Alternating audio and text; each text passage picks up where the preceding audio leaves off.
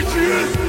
I did it! Here's Johnny. I did not hit her. It's not true. It's bullshit. I did not hit her. I want the truth! You can't handle the truth! Hej och välkomna ska ni vara till Cineastpodden. Podden där vi eh, pratar om film med filmälskare. Jag heter Andreas Barås och våran gäst idag, eller min gäst idag heter Jeanette Dahlström. Välkommen! Tackar. Hej, hur är läget? Det är bra. Ja, vad roligt att vi äntligen fick med dig här. Jag säger vi hela tiden ungefär som att jag har en, en stab bakom mig, men det har jag inte utan det, är, det här är, det här är bara... hjärnspöken. Det är jag och mina hjärnspöken ja. Det här är en ganska ny podd, eller en helt ny podd förmodligen när det här kommer att sändas. Men det här kommer att, eh, vi kommer bara att prata film. Och reglerna är ganska enkla. Eh, vi pratar om en huvudfilm och vi pratar om en topp 5-lista.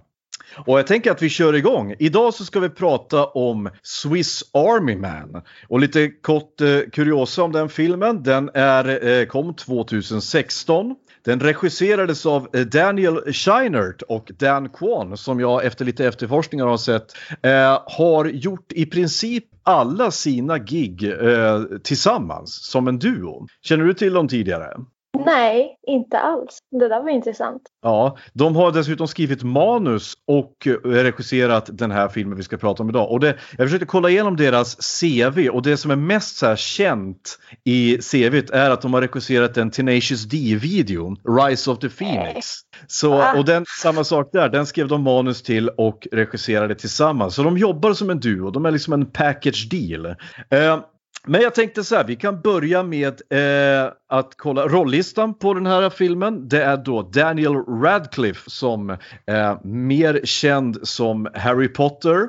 Och sen dess har gjort mer eller mindre, mindre lyckade filmer. Jag minns att jag såg honom i filmen eh, The Lady in Black, om du kommer ihåg den, för några år sedan. Nej, det är en, eh, det är en, en så kallad så klassisk eh, spökhistoria. En eh, viktorianska England, en man flyttar in i ett, i ett hus och så kommer det ett spöke som hemsöker honom som har så här, vad, vad säger man, så här skynke för ansiktet och det, det, det är klassiskt. Ja, och han, han såg ju typ ut att vara 20 år i den filmen och hade typ tre barn eller någonting. I, så att det var, det var så lite svårt men jag förstår ju att han ville göra någonting annat än, än Harry Potter. Ja, Är du själv en eh, stor Harry Potter-fan? inte jättestort, men jag gillar Harry Potter. Men jag förstår ju att han vill slå sig ur det där och göra annat. Ja. Han har ju också gjort eh, filmen Horns där han spelar någon slags satyr. Eh, där han, eh, ja, på omslaget till filmen så har han då, han har då, ja, bockhorn eller djävulshorn. Jag vet inte vad det är. Eh, och men Swiss Army Man, eh, ska vi gå igenom lite eh, vad, vad handlingen i filmen här? Eh, vi, får, vi, vi, vi möts av då eh, Hank Thompson eh, heter våran huvudperson som spelas av då Paul Dano som vi eh, känner igen från filmer There Will Be Blood där han spelade en, en prästen i prästpojken i byn som blir då kan man säga den eh, huvudmotståndaren för Daniel Day-Lewis eh, arge oljemagnat. Och han är också med i filmen 12 years a slave. Och jag minns att han är med i filmen med Hugh Jackman och Jake Gyllenhaal, Prisoners. Där spelar han en, en mentalt handikappad eh, kille som blir eh, anklagad för att röva bort barn och som Hugh Jackman torterar med skållande vatten. Där, så att, eh, mycket, mycket, mycket speciell människa. Och eh, så sent som igår fick jag reda på att han dessutom ska spela The Riddler i den uppkommande film, Batman-filmen The Batman med eh, ah med, eh, vad heter han då, eh, Twilight-killen, Robert Pattinson Ja. i rollen. ja, det har jag hört. Jajamän. Eh, vi får följa då Hank Thompson som är ganska uppenbar och blatt, eh, liksom hommage till eh, Tom Hanks från filmen Mm. Castaway. Så, och ha, Hank är eh, skeppsbruten på en ö. Tror jag i alla fall. Det, det här som, som eh, vi kommer att återkomma lite grann till. Han, eh, och han är jätteensam och han ska ta, ta sitt liv genom att hänga sig. Och då ser han ett lik på stranden som är då Daniel Radcliffe. Eh, och eh, ja, vad har vi att säga om det här till att börja med? Eh, rolig roll att spela för Radcliffe. Få ett lik liksom. Ja. En, en kul, kul vet du, kuriosa här att tydligen så ska Paul Dano, uh, han sa att han blev hooked på, på själva filmidén när de frågade honom på en enda mening. Då han sa “The first fart will make you laugh and the last fart will make you cry”. Och det här är ganska intressant för att fisandet är ett ganska vi, eh, viktigt element i den här filmen. Därför att eh, det första som händer är ju att då Hank försöker springa fram och hjälpa eh, det här liket då. Men han, liket är ju dött. Det, det finns ju Mm. ingenting där. Förutom att liket börjar fisa. Först några små, liksom, eh, små kontrollerade fisar och sen ett, eh, liksom, ett totalt jävla kulsprutemaskineri av fisar. Och eh, det här är ju ganska normalt, i alla fall det första, för ett lik. Alltså att det kan, det kan finnas eh, gas, gaser i förruttnelseprocessen som tas ut. Men Ja. sen så visar det sig att de här fisarna är ganska kraftfulla och han börjar skaka, liket skaka sig ut i vattnet och sen så eh, börjar han liksom flyta iväg. Och figuren Hank då gör ju som man, man naturligtvis gör i ett sånt här läge. Han hoppar upp på ryggen på liket och rider honom iväg som en motorbåt rakt över havet och i land. Ja. Och jag kan säga att när jag såg det här då satt jag liksom och bara vad fan är det jag tittar egentligen? Hur kände du? Där? Jag kände precis likadant. Jag tänkte vad fan är det här? Men eh, jag kände att det här är en film för mig. Direkt. Alltså, du, Ja. du, gillar, du gillar quirky filmer? Definitivt. Ja. Eh, sen kommer de i land i alla fall på, ett, eh, på, ett, eh, eh, på något ställe. Eh, och eh, ja, det är nu liksom det börjar bli ännu skummare för att då bär han med sig det här liket eh, in i skogen och börjar bygga någon slags koja eller vad det är. Han, eh, någon slags liten by som han håller på med. Och då visar det sig efter mycket om och men, jag tror till och med 21 minuter in i filmen att liket då kan prata dessutom. Ja. Och nu Han väcks blir, liksom till liv. Ja, det här, det, det är nu det liksom blir väldigt märkligt. Och han döper liket till Manny. Mm. Så nu har vi två, helt plötsligt två huvudpersoner i filmen. Vi har Hank och inte längre liket utan vi har Hank och Manny. Som alltjämt är ett lik. Han kan ju inte röra sig. Han Nej. har ju liksom ingen, ingen, ingen, ingen kraft överhuvudtaget. Men det visar sig att han har lite förmågor. Alltså Mm. bland annat att han, ja fisandet då. Och eh, då, jag, Vatten. Hank försöker ju då att få Manny att minnas sitt liv igen. Mm. För, att få ledtrådar till vem han var och om man kan hjälpa honom att hitta hem. Bland annat vet jag att det, gjorde, det blev jag väldigt glad över att de börjar, eh, de börjar nynna på Jurassic Park eh, Ja. temat och det blev jag så glad över. Men eh, liksom, ha, vad har du mer för observationer? Vad hände, vad hände sen? Ja, nej men det är väl mer att de försöker väcka Manny till liv. För att ju mer han minns och ju mer han kommer ihåg hur det är att leva, desto Mm. mer förmågor får han som hjälper dem att hitta hem. Ja. Som det där att få vatten i munnen eller att hans erektion fungerar som en kompass. Ja, vi, vi, det där kan vi ju inte låta gå osagt. Det vill säga, hans penis börjar alltså att få ett eget liv. Och han, han, det, jag tror att det börjar med att Hank förklarar vad en porrtidning är för någonting. För honom. Eller, eller en, ut, en utvikningstidning. Och, och han börjar förklara liksom vad man gör när man, eh, så att den här Hank då visar sig, det kryper fram mer och mer hur olycklig och ensam den här killen var. Att han brukade titta på utvikningstjejer, inte ens porr utan det här var en, det var en reklam för någon, för någon jag vet inte, någon läsk eller någon, någon deodorant eller någonting. Och han brukar hitta på historier om de här tjejerna, vad de levde för liv och att han, att han, att, att han skulle träffa dem. Och så helt plötsligt så, eh, eh, så, så plötsligt så får då Manny stånd. Och, den här, och det visar sig att hans penis pekar åt norr hela tiden. Var de än är. Och det är så här, och jag bara sitter så här, jag sitter här liksom och gapar. Alltså, det, här, det här är ju bland de roligaste filmer jag har sett. Liksom. Och det ska också sägas att när den här visades under Cannes festi- filmfestival så var det alltså folk som reste sig och gick när det här började hända för de tyckte att, för de tyckte att det var för barnsligt. Mm. Vilket jag tycker är en jättestor förlust för att då, då missar man ju det som kommer att hända sen. Liksom. Eh, men han, eh, det finns en fantastisk line som han säger där också. Han säger I think your penis is guiding us home. Och det är ju alltså det, det är en makalös replik.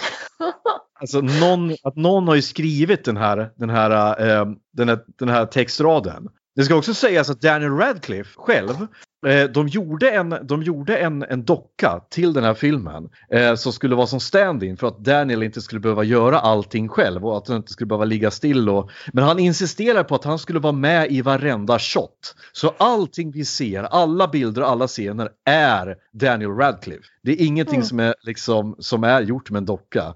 Eh, jag tittade också på en scen där, där som är så jävla rolig tror jag när, eh, när, när Hank ska gå iväg och så ser han i förgrunden så ser vi ett, eh, eh en buske med massa bär. Och han går fram dit och så tar han bär och stoppar käften full för han har svält ju, han är ju jättehungrig. Och i nästa, direkt klipper de till att han står och spyr. För det är, det är i princip det som skulle hända, att om vi hamnade ute i skogen Ja. så skulle de flesta, alltså du kan inte äta det första du ser liksom. Men eh, det, det, som, det vackra med den här filmen som börjar komma fram sen är ju att eh, allt som, att Manny är ett lik och han ställer liksom frågor om livet. Allting. Eh, eh, liksom, han ställer ju som ett barn frågorna. Varför då? Varför gör man så? Där, där då Hank får, får förklara allt ifrån varför man onanerar, varför man, varför man eh, inte fiser inför andra människor, varför man eh, håller vissa saker inom sig och så här. Och det jag reagerar på när jag såg den här filmen var hur fånigt liksom sociala koder ter sig när man säger dem högt. Eller hur tänkte Ja. du? Men jag tycker att det är precis det den tar upp. Den tar upp normer i samhället, andra människors förväntningar. Vad är egentligen viktigt i livet? Kan man hela tiden ändra sig själv för att passa in på vad Ja. alla andra tycker? Mm. Det, det tycker jag filmen tar upp väldigt bra också. Ja, ja han, han, alltså det här, för som sagt, han pratar ju med ett lik liksom som alltjämt verkar ha känslor, ett känsloliv av något sätt, på något sätt. Eh, någon, en ganska viktig sak händer ju i, i, i filmen där, att han försöker ju att väcka Mannys eh, jag säga, jag vet inte, kognitiva förmågor till, till liv där genom att visa en bild på en tjej som han har på sin egen telefon.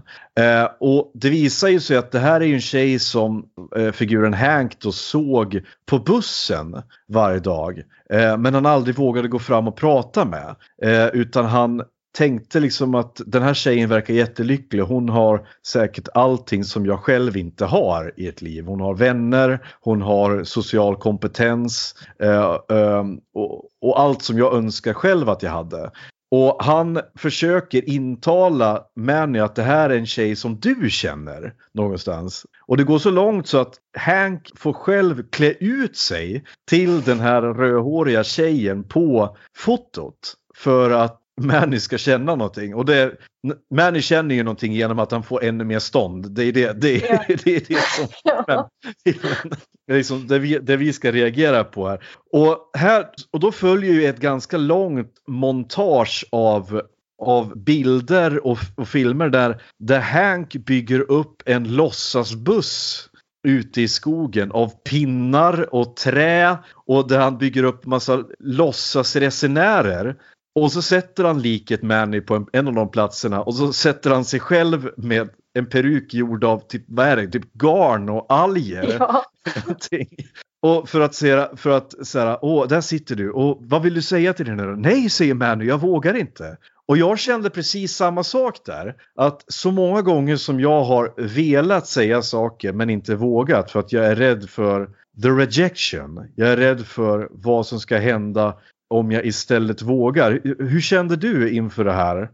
Ja, nej, jag håller med. Eh, precis, att man är rädd för rejection. Det tycker jag nästan alla människor är. Känner nog inte någon som inte är det. Men sen att han får mod till sig och till slut vågar gå fram och han gör det på världens roligaste sätt. Ja, berätt, be, beskriv den scenen för oss. Och nu kommer jag inte på precis i huvudet men han går ju fram på ett jätteroligt sätt och slänger fram armarna. Men kommer du ihåg vad han sa? Eh, ja, jag, jag, vet inte vad, jag minns inte vad han sa riktigt. Det jag minns är att, att Hank springer fram och tillbaka för att försöka dels peppa, peppa då, liket Manny. Att, eh, och sen eh, att sitta då och låtsas vara den här tjejen då som heter Sarah tydligen. Vilket också är jättekonstigt att eh, Manny minns att hon heter Sarah. Sarah Johnson tror jag till och med karaktären heter. Fast det visar ju sig att det här är ju en karaktär som Manny aldrig har träffat. Han vet ju inte vem den här människan är. Men det är nu som filmen börjar bli, liksom, det börjar komma ett mörker över den här filmen. Eh, liksom för att, jag vet inte. Eh, det slutar ju med att de närmar sig eh, civilisationen på något sätt. Och då tar man, eller Hank mod till sig och frågar, eller och berättar för Manny att jag måste säga en sak, det var min telefon det här. Den här tjejen Sarah, det är en tjej som, som du inte känner. Men varför gör du så mot mig, säger Manny. Och helt plötsligt så står vi, sitter vi i en jätteladdad situation mellan Hank och liket Manny. Där Hank har sårat Manny jättemycket genom att ljuga för honom och leka med hans känslor. Och jag vet inte, de sitter där framför en eld vet jag. Och visst ja, det är ju en jättefantastisk scen där innan när de, han lyckades eh, på något sätt luska ut att man kan, om man stoppar saker i Mannys mun så kan man använda honom som en, som en slangbälla eller en, en ja. kanon. Så han stoppar popcorn i honom vet jag och, och, och stenar och så skjuter de ihjäl ekorrar och massa grejer. Ja. Bara för att få mat. Och då, han bygger upp en liten så här låtsasbiograf och har en, en slags och spelar upp en skuggteater för Manny för att få liksom visa så här är en teater. För, mm. Och jag tyckte det var så jävla fint. Allting är så jävla vackert i den här filmen. Det är det. Ja precis och det, det, det liksom får mig också känna att de här människorna som har gjort den här filmen, alltså för, för det första är fotot helt makalöst vackert. Det är mycket montage och det är mycket fina, eh, mycket fina eh, musikstycken som sätter liksom tonen i, i, till de här scenerna. Eh, men när allt det här är över när de här, och de närmar sig civilisationen så berättar han då det här för, för Manny. Och Manny blir jättesårad och i samma stund så kommer en björn som attackerar. Och Manny vägrar att hjälpa Hank i det här fallet. Han, på något sätt så fiser han sig själv upp i ett träd. Tror jag. Det, det, det, är, det, här, det är så absurt när man säger det rakt ut att han fiser sig själv upp i ett träd. Men Hank är kvar på marken och björnen släpar iväg honom. Men på någon, någon anledning så, så ångrar sig Manny för han tycker att uh, han, så, han säger så här. Um, before, before I met you there was only emptiness. And then you took the emptiness away from me and I want that back. Och det tyckte jag också var en vacker eh, alltså, ganska, så, den slog en ganska hårt därför att motsatsen till det här känslolivet som man nu har lärt om det är ju tomheten han kände innan. Och vad är värst? Att känna ett känsloliv och bli sårad eller att bara känna tomhet? Det, och jag tror att vi alla skulle nästan vilja välja att faktiskt känna att kunna bli sårad. Därför att det är ju också, det är ju en del av livet. Och det är någonstans där som man också ändrar att även om du gjorde mig illa nu så är du min bästa vän. Så han i en fantastisk scen så fiser han sig själv ner på marken igen.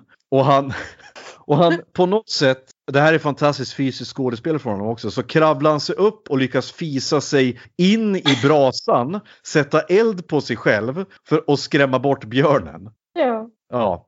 Och sen så, vad händer sen? Sen så, jo visst ja, sen kommer de, de ramlar in på, på en tomt. Ja. Till ett hus. Och vem är det som möter dem där?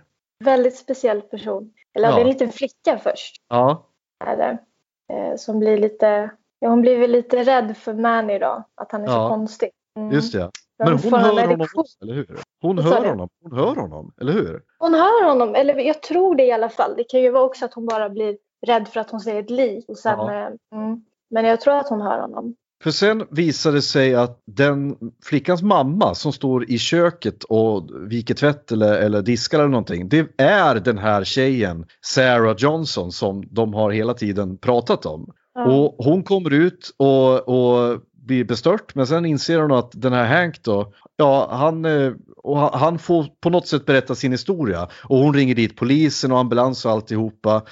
Um, och nu blir det väldigt weird. Därför att nu någonstans här börjar jag tänka att är det så att allting bara har varit en inbildning ifrån Hank, Mm. att han har hamnat i någon slags psykos. För sen eh, kommer Hanks pappa dit. Och det, det är ganska viktigt för att de har tidigare haft en diskussion där Hank har förklarat för Manny att eh, han har inte så bra kontakt med sin pappa. De har ringt varandra en gång om året på, det, på respektive födelsedagar. Men eh, så glömde han bort en gång och för att inte hans pappa skulle få dåligt samvete så lärde han honom att, att göra så att han fick, kunde skicka ett automatiskt e-greeting card. Liksom ett, ett, ett, ett automatiskt mail bara varje så att så att de kan, loss, de kan glömma varandra hur mycket som helst för det kommer ett automatiskt meddelande som blir påmind om att de finns. Men de har ju ingen kontakt med varandra överhuvudtaget.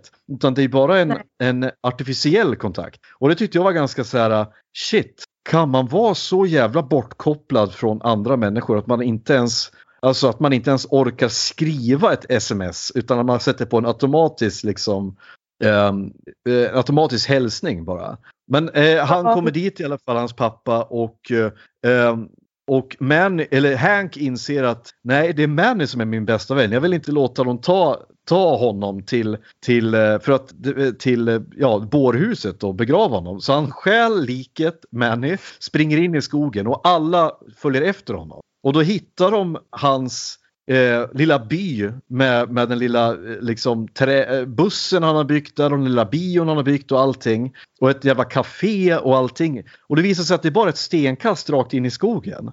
Ja. Ja, och sen så eh, kommer de ut igen, som jag förstår det, på samma strand som eh, Hank skulle ta livet av sig i början. Eller förstod jag, förstod Ja. jag rätt där? Det är så jag tänker att det är också. Att han Ja. egentligen bara rör sig på ett väldigt litet område. Ja. Och så tror man att de har varit och gått jättelångt men det har bara varit en liten, ja, någon Ja. mil kanske. Ja, och det, då slog det mig, eh, då blev det väldigt tydligt för mig, den tolkningen jag gör i alla fall, att han var aldrig skeppsbruten. Det handlar inte Mm. alls om det, utan det handlar om att han, han ville ta sitt liv för att han var ensam och kände att han inte passade in i samhället.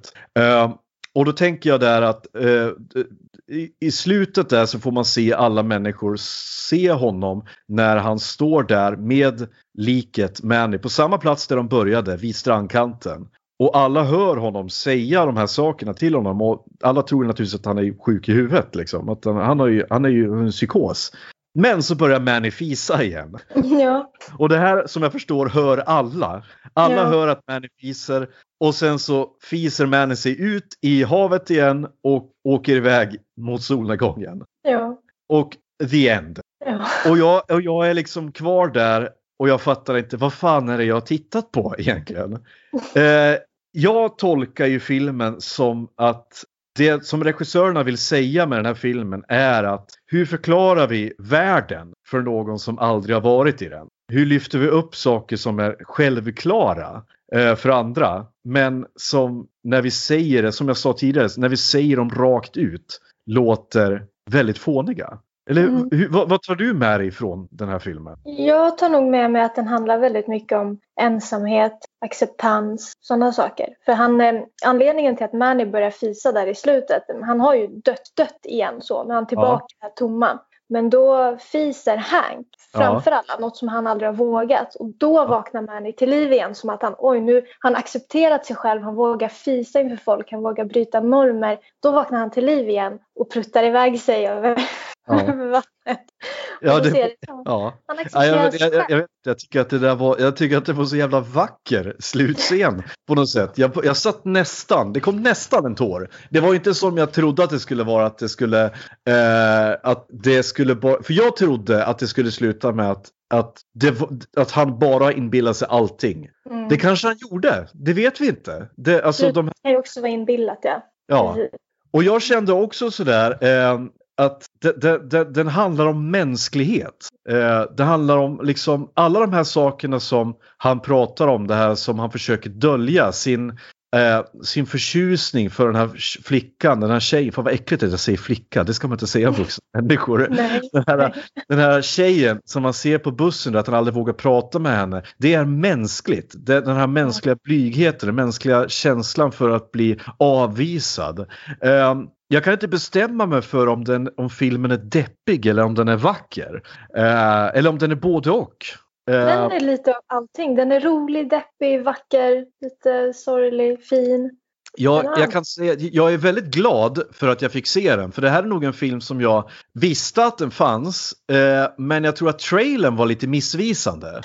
Därför att trailern, trailern spelar ju bara på det, liksom, det knasiga i hela premissen. Att mm. Det handlar om en kille som, som är ute med ett lik. Men jag, jag, om jag minns trailern rätt från när jag såg den för ett par år sedan så fick jag aldrig höra där att Daniel Radcliffes karaktär faktiskt pratar. Utan jag tror att det bara handlar om en jävla tokstolle som bär omkring på ett lik.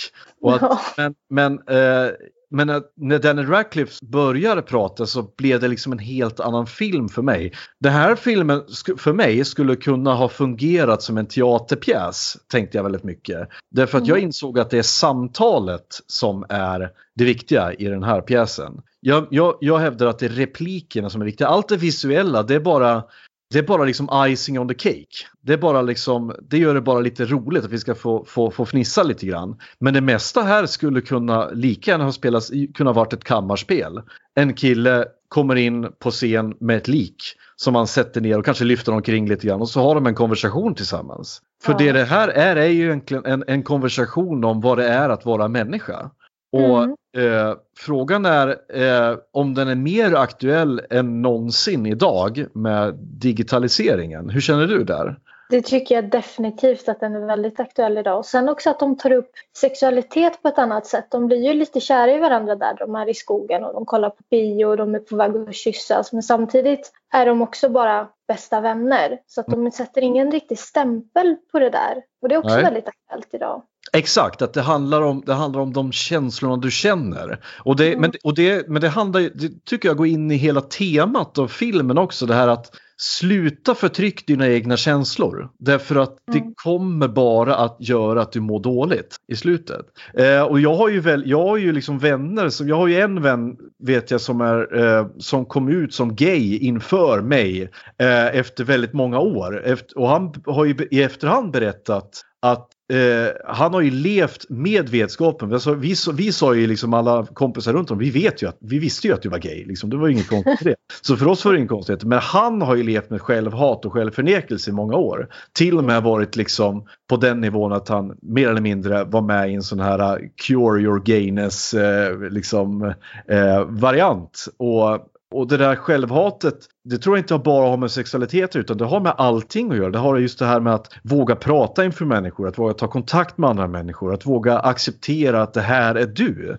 Det här mm. är du, det här är dina quirks och du behöver kanske inte, varför måste du gömma dem för? Därför att du har blivit itutad att det är så här man inte gör. Jag tycker att det är väldigt vacker grej som han berättar att han, hans pappa kom på honom att masturbera när han var ung och då kommer pappan in och säger eh, bara så du vet så eh, om du gör sådär så slösar du på energi och så kommer du eh, liksom, och så kommer du att leva mycket kortare därför att du masturberar. Och hans mamma säger eh, och sa också massa hemska saker till honom fast det tror jag var mera, det var mer religiöst va? Det var mera, mera skambeläggande. Och han berättar Jag sen... att mamman sa väl att det var okej okay att göra det.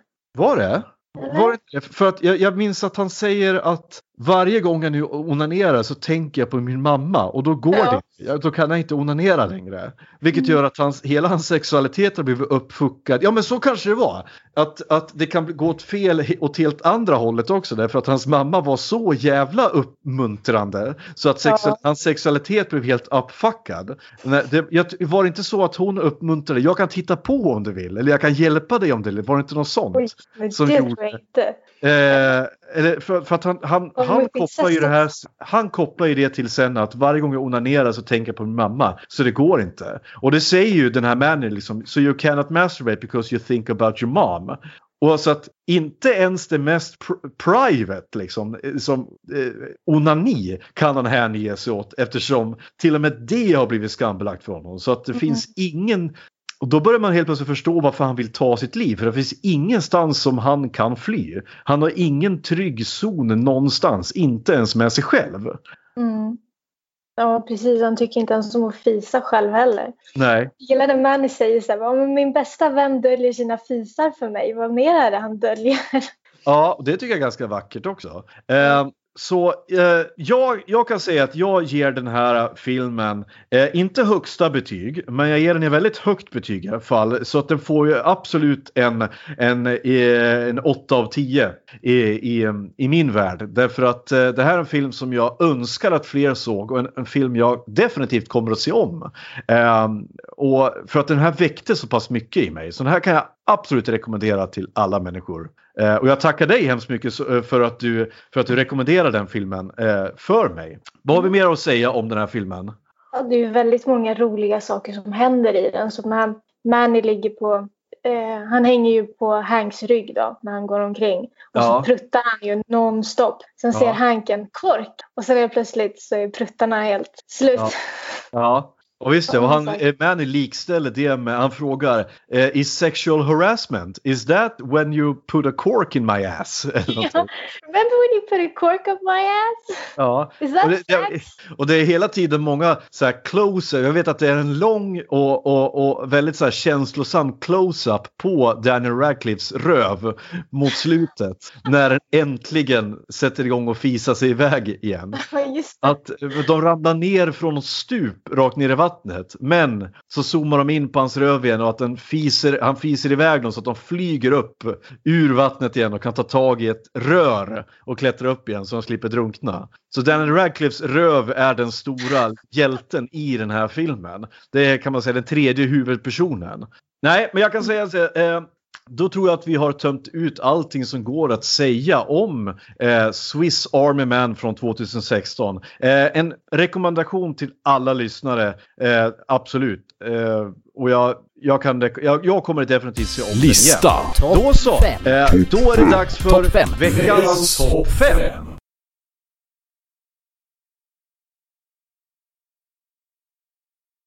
Och veckans topp 5 är det jag som väljer. Då det var du som var, det var, eller då det var gästen som valde film. Och min topp 5-lista kommer att handla om topp 5 Nicolas Cage-filmer. Och eh, som en, eh, eh, som en spoiler inför det här segmentet eh, vill jag bara säga, och inför egentligen allt filmtittande, det är helt okej att tycka om en film, även om andra inte tycker om den. Och det är helt okej att ranka en film högt eh, efter vad du känner för det. Eh, det här är en podcast jag inte tänker ta hänsyn till, till eh, liksom filmkrönikan på SVT. Eller, utan här är det helt och hållet min personliga smak som jag kommer motivera. Så topp 5 eh, Nicolas Cage-filmer eh, enligt mitt smak och tycke. På femte plats Moonstruck. Eller som den heter på svenska, Mångalen. Eh, I huvudrollen ser vi Cher. Har du sett den här filmen? Jag har inte sett den här filmen. Nej, då kan jag rekommendera den väldigt högt. Moonstruck handlar då om en, en tjej som spelas av Cher som blir kär, eller hon blir kär i sin svåger som spelas då av Nicolas Cage. Nicolas Cage är en, spelare, en, väldigt så här, ganska fattig bagarkille, ganska enkel kille i jämförelse med, med den fästman som hon har. Eh, och eh, Ska också säga att eh, Cher vann då en Oscar för den här filmen för bäst, bästa eh, kvinnliga huvudroll. Jag tror filmen var nominerad till bästa film också, om den inte eh, till och med vann eh, för bästa film. Jag, har, eh, jag får erkänna att min research är lite bristfällig där. Men Nicolas Cage gör en halv Nicolas Cageig roll. Det var ganska tidigt i hans karriär. Men det märks här, och han har, han har senare sagt att han har tagit väldigt mycket inspiration ifrån eh, tyska skådespelaren Klaus Kinski. Den tysk impressionist eh, eh skådis. Och det märker man framförallt i en scen där Nicolas Cage ska, be, ska beskriva hur, hur han har lidit och att hennes lidande inte är någonting. Där han då gestikulerar väldigt mycket och så säger han I lost my hand! I lost my life!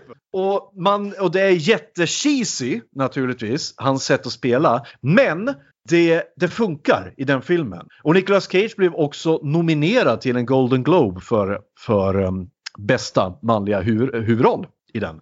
Så att det här alltså eh, var en, en tid i hans eh, karriär där han gjorde fantastiska filmer. Så det kan jag rekommendera. Moonstruck av med, a, med Cher. På fjärde plats, The Rock. En gammal klassisk 90-tals actionfilm. Har du sett den? Ja, men det var oj, länge sedan. Ja, Den är då eh, regisserad av eh, Michael Bay faktiskt. Eh, och på den tiden när Michael Bay inte gjorde halva eh, jordens befolkning förbannade genom att förstöra deras bästa franchises. Eh, eh, här spelar Nicolas Cage en, eh, en tekniker, en kemist, tekniker för eh, FBI som aldrig varit ute i fältet. Och eh, Ehm, eh, Alca, det utspelar sig i San Francisco och Alcatraz som är den berömda fängelseön som ligger utanför San Francisco tas över av en eh, eh, någon överste och hans Rogue-militärer. Och de har stulit ett jättefarligt eh, kemiskt stridsmedel som de planerar att skicka emot eh, hela stan och typ ja, döda halva San Francisco. Ja. Och eh, Nicolas Cage får tillsammans med Sean Connery som spelar någon gammal IRA-terrorist eh, i uppdrag att infiltrera det här stället och eh, eh, desarmera bomberna. Och det här är så här, en klassisk eh, no-brain actionfilm där Nicolas Cage har några liksom fantastiska one-liners. Bland annat finns det en, en scen där han eh, det är någon, han, han hamnar i, i fight med någon kille som säger och då säger han Hey, do you like Elton Johns Rocket Man? Och han, ja, killen säger No, I don't listen to that soft pussy shit. och då säger han Oh, because that, that's funny because you're, um, you're the Rocket Man. Och så trycker han på en knapp och skjuter en raket i magen på honom.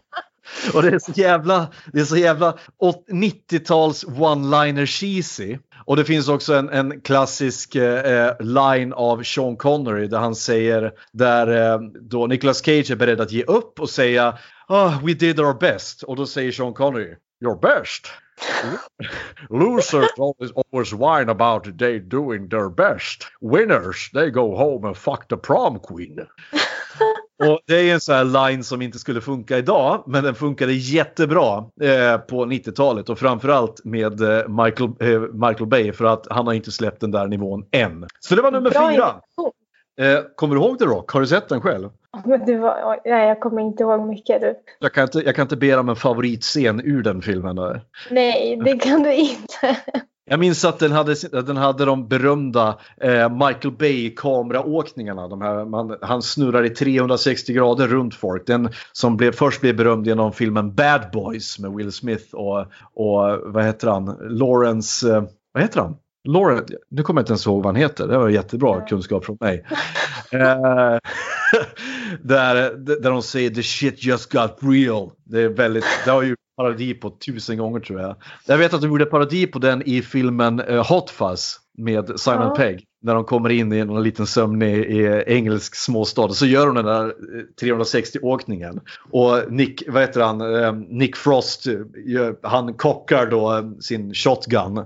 Och så säger han Shit just got rail! På, det är inte lika ballt då. På tredje plats, Adaptation.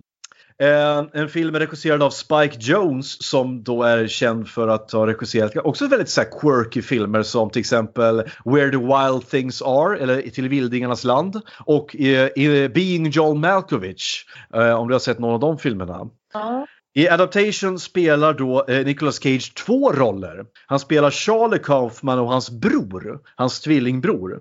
Eh, i, Charlie Kaufman är en, en författare och den här handlar väldigt mycket om depression och psykisk ohälsa. Och det här är en film som jag inte vill spoila så jävla mycket utan jag vill att alla människor ska se den för att här gör Nicolas Cage någonting som är väldigt olikt honom. Det vill säga han spelar väldigt, väldigt lågmält. Väldigt lågmält. Han, han, jag tror att knappt höjer rösten överhuvudtaget. Liksom. Det är en helt fantastisk film och en fantastisk rollprestation från Nicolas Cage. Eh, och den här vill jag inte spoila så mycket av utan jag vill att alla människor ska se Adaptation av, med Nicolas Cage av regi av Spike Jones. På andra plats, Leaving Las Vegas eh, med, med då Nicolas Cage, Elizabeth Shue och den gamla klassiska 90-tals eh, brittiska horrorikonen Julian Sands. Här spelar Nicolas Cage en kille som har bestämt sig för att ta livet av sig genom att dricka ihjäl sig i Las Vegas. Och där träffar han då eh, Elizabeth Shue och de ger sig ut då på en, en liten resa som gör att Nicolas Cage får livsgnustan tillbaka. Och det här är en film som jag heller inte vill spoila så jäkla mycket för att eh, jag tror att det är många, i alla fall newcomers eh, till film som inte har sett den här filmen. Men det här är faktiskt en film som Nicolas Cage vann en Oscar för. Eh, för bästa manliga huvudroll. Eh, så Leaving Las Vegas på andra plats. Och på första plats då, min absoluta favoritfilm med Nicolas Cage och det är Kiss of the Vampire. Har du sett den? Nej, det har jag inte sett. Då ska jag berätta premissen här. Eh, Kiss of the Vampire handlar om Nicolas Cage karaktär som tror att han håller på att förvandlas till en vampyr. Och eh, det här är Nicolas Cage i hans mest Nicolas Cageigaste han någonsin kan eh, gå. Han går omkring och all, alla de här memesarna som du har sett av Nicolas Cage när han, eh, den här blicken, nu gör, det här är jättebra radio, men han gör en blick när han ser ut så här. Ha! You don't say! Den är ifrån Ja. den filmen. Eh, han, han, han håller ju på att bli fullständigt galen och han, han är helt övertygad om att han blir, eh, eh, ja, förvandlas till en vampyr. I en scen så springer han rakt igenom eh, gatorna i stan och skriker I'm a vampire! I'm a vampire! I'm a vampire! Och liksom, han håller inte igen någonting. Han, han, han, eh, han förklarar för, för, för sin sekreterare om hur hon ska file things. Och han står där och står också och skriker. You need to file! You know, put them in, put them in order like A, B, C, D, E, F, G, L, H, V, N, P, no, P! Och han bara går full jävla bananas och skriker. I never have wrong, wrong one, not one time, not one thing! Och hon bara skriker hela tiden. Och eh, så här, det är en fantastiskt rolig och, och en rolig film om psykisk ohälsa, om, om, om the descent to madness som det, som det är. Att, ja, att dels att titta på en Nicolas Cage-film och dels att vara Nicolas Cage. Mm. Bubblare! Honorable mentions. The Wicker Man, naturligtvis. Nyinspelningen av den klassiska 70-talsfilmen. Fruktansvärd film. Den, är alltså, den, är, den, den tar heder och ära av originalet. Men den har några av de absolut bästa Nicolas Cage-scenerna någonsin. Nicolas Cage spelar över fullständigt. Not the Bees känner du säkert till. Har du Mm. sett den? Nej, Har du inte sett den här heller? Jag har inte sett den. Nej, Ja, den måste- Jaha, ja. Eh, och framförallt Nicolas Cage iklädd en björndräkt går omkring och spöar kvinnor.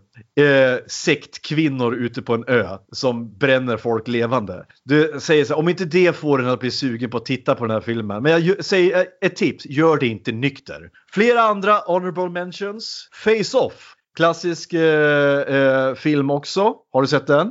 Nej. Har du inte heller sett? En, en, eh, John, en John Woo-regisserad film med eh, Nicolas Cage och John Travolta i huvudrollen. Där premissen är att de ja, byter ansikte med varandra. Men ja, det måste jag säga. Ja, och Nicolas Cage eh, går full Nicolas Cage som vanligt. Och det är jättemycket duvor som det är i alla John Woo-filmer. Och det är jättemycket slow-mo och han tar hela sin Hongkong action-grej till, till amerikansk film. Eh, sen har vi naturligtvis Bad Lieutenant, också en honorable mention. Där han spelar en knarkande och eh, eh, horknullande eh, korrumperad polis i, San, i vet du, New Orleans, tror jag det är. Där eh, Nicolas Cage får också helt fria tyglar och bara gör vad fan han vill verkar det som. Det finns en scen där han står och skjuter i sig säkert eh, ett kilo kokain samtidigt som han blir avsugen av en prostituerad och skriker rakt ut i luften. Det är top tier Nicolas Cage, men det var inte tillräckligt mycket av en favorit för att kvala in på topp 5-listan. Och sen är det naturligtvis Matchstick Men, där han spelar en försäljare. Så, och han har några av sina absoluta favorit... Han spelar en autist eh, eh med typ eh, väldigt grav Aspergers. Där har han bland annat en, en fin scen där han eh, skriker till en kille som... Han tränger sig före i kön för att han vill ha sin medicin. Och han, den killen säger hej jag stod faktiskt före och han skriker How would you like if I punched you in the stomach until you pissed blood? Fantastiskt.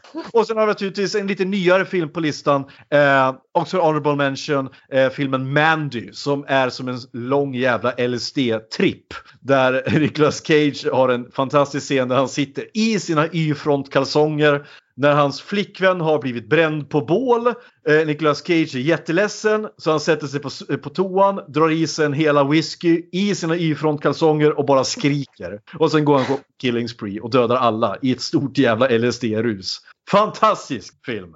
Hade du sett en enda av de här filmerna på, på listan förutom The Rock? Nu minns jag inte ens vilka, vilka du har tagit. Det var ju för många. Men du har... filmen han, ehm, där han kan dra tillbaka tiden en liten stund. Eh, Nej, han ser in till några sekunder i framtiden. Tänker inte du på Adam Sandler nu? Nej, nej, va? Nej, det kan jag inte göra. Den Han har här, väl inte en sån film? Nej, nej, inte, klick, nej, inte den med fjärrkontroll. Utan det är Cage och han kan se in några sek- eller han kan se hur framtiden kommer bli om han gör ett val. Sen eh, Oj, det, välja det, låter som en, det låter ju som en intressant premiss å andra sidan. Jag känner inte, Mm. jag kan inte eh, namnet på film eller någon filmtitel sådär top of mind. Men jag ska absolut kolla upp det för det låter ju som en intressant premiss. Är det en bra film då? ja, då. Är den bra med. Nicolas Cage-mått? ja, det är det. Okej. Eh, tiden börjar rinna ut. Eh, jag tackar så hemskt mycket eh, Jeanette för att du var med i Cineastpodden. Eh, nästa vecka är vi tillbaka med en ny film och en ny eh, topplista. Vi säger tack och hej då så länge och kom ihåg, eh, det är okej att älska vilken film som helst. Hej då!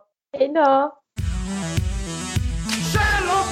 Say hello to my little friend! Yo, Adrian!